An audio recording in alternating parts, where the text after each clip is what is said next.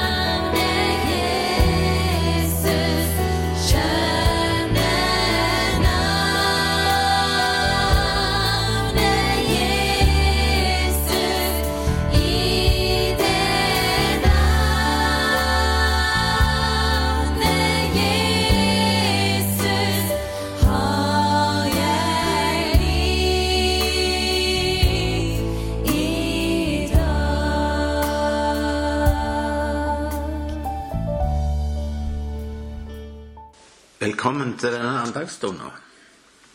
Jeg håper du har det bra.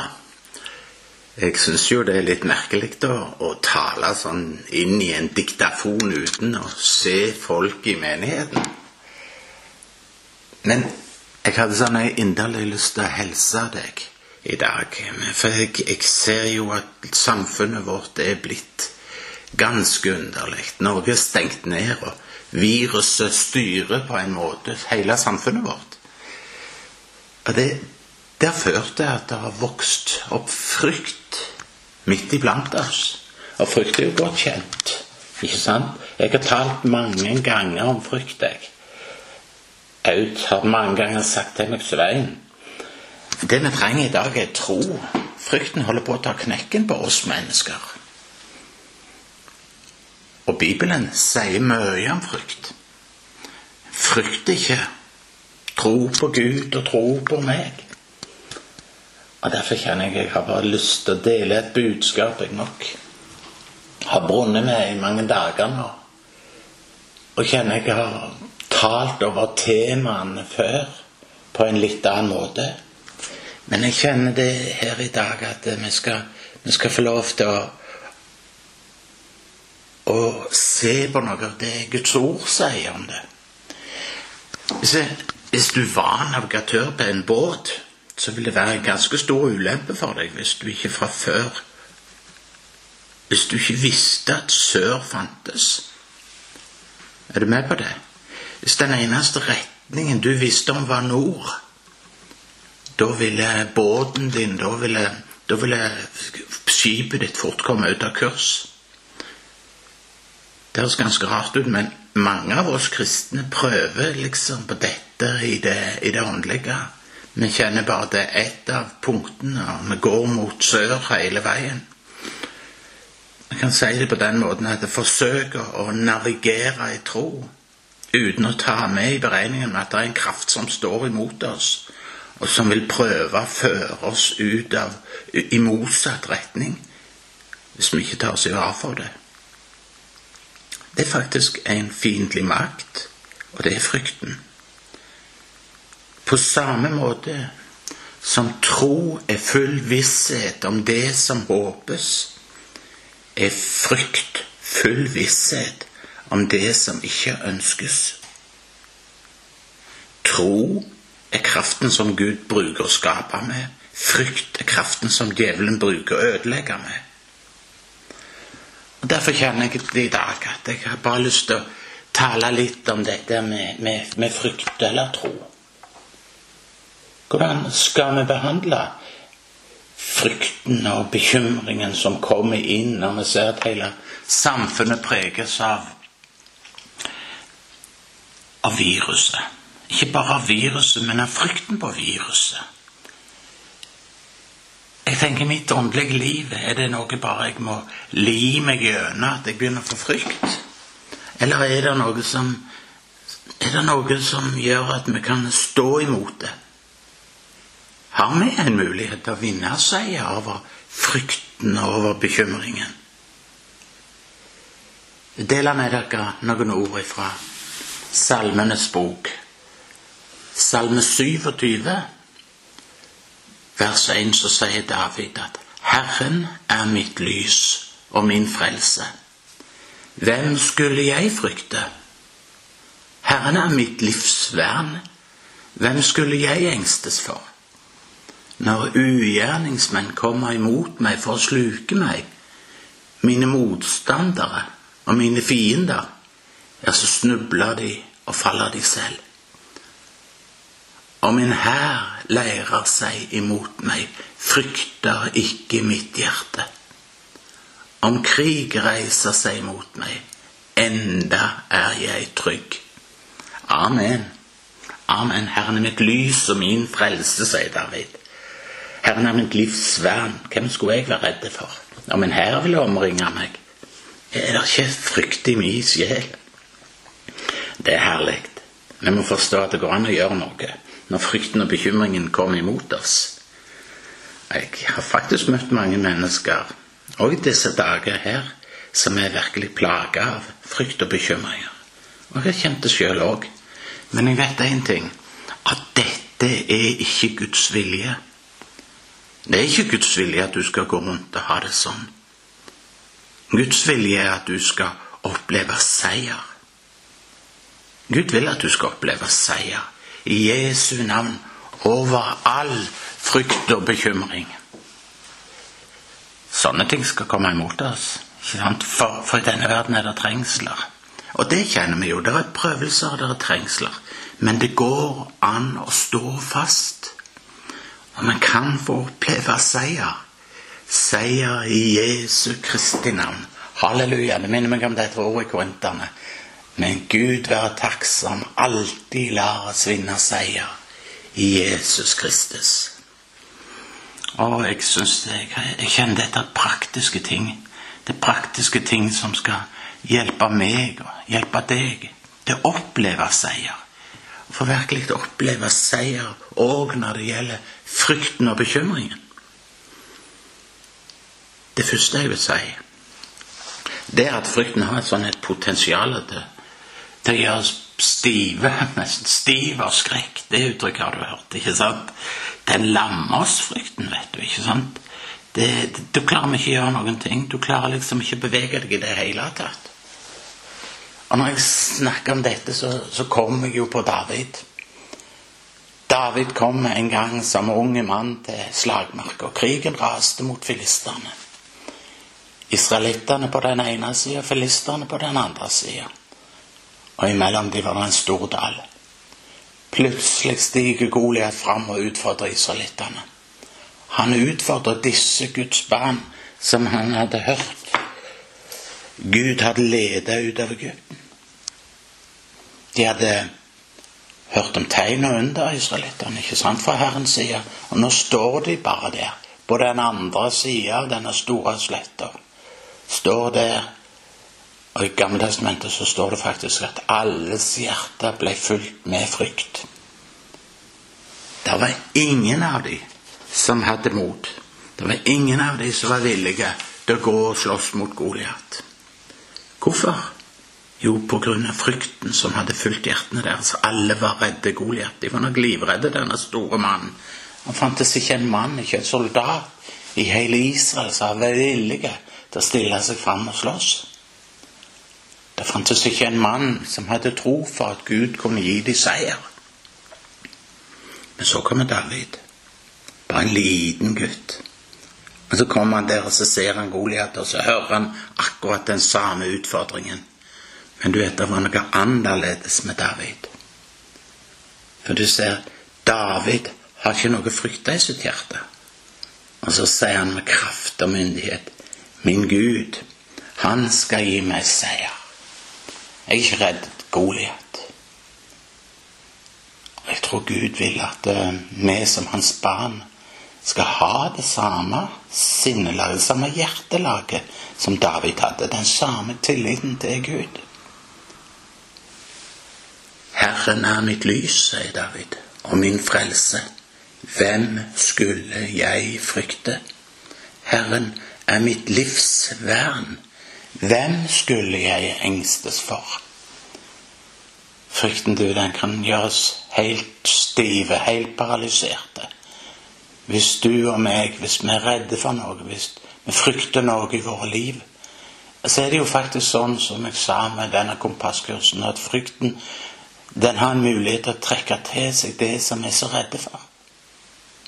I Jobb 3 så leser vi i vers 25 at det, for alt det fryktelige som, har, som, har, som jeg har frykta for, så er opp. Det har funnet meg. Og alt det jeg har grua for, det har grepet meg. Vi har egentlig to forskjellige magneter inni oss.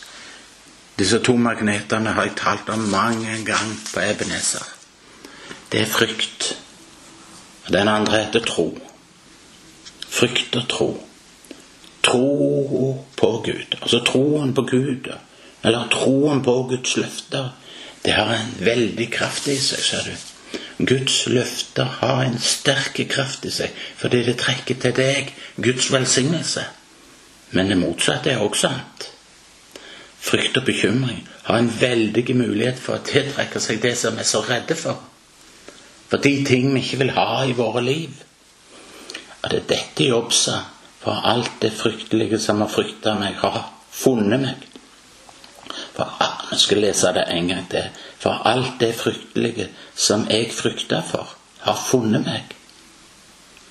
Og det jeg gruer for, har grepet meg. Kjære gode venner, Jesus ønsker ikke at du og meg skal gå rundt med frykt i våre hjerter. Jesus vil ikke at du og meg skal gå rundt og bekymre oss. Frykt ikke sånn. Tro på Gud og tro på meg. Frykt og tro. Du vet når Jesus møtte Jairus, datteren var død, så sier Jesus, frykt ikke, bare tro.